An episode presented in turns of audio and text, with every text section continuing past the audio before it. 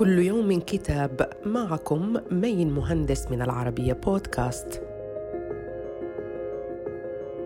نتناول اليوم كتاب الأوبئة بين المخاطر الحقيقية والتحذيرات المزيفة من إنفلونزا الطيور إلى كوفيد 19 للعالم الفرنسي المتخصص في علم الميكروبولوجي والفيروسات المعدية ديدييه راول.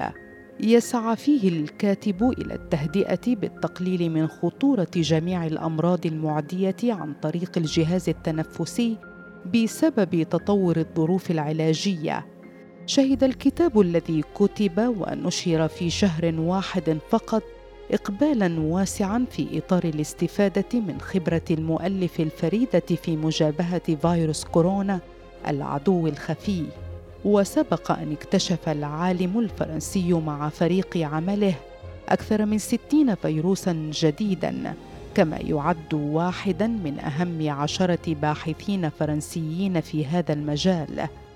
ويسعى المؤلف إلى تخفيف حدة ووتيرة الرعب المنتشرة مشددا على أن الفيروسات التي تصيب الجهاز التنفسي غير مسؤولة إلا عن وفاة أربعة إلى خمسة ملايين فرد فقط في العالم منذ ثلاثين عاماً.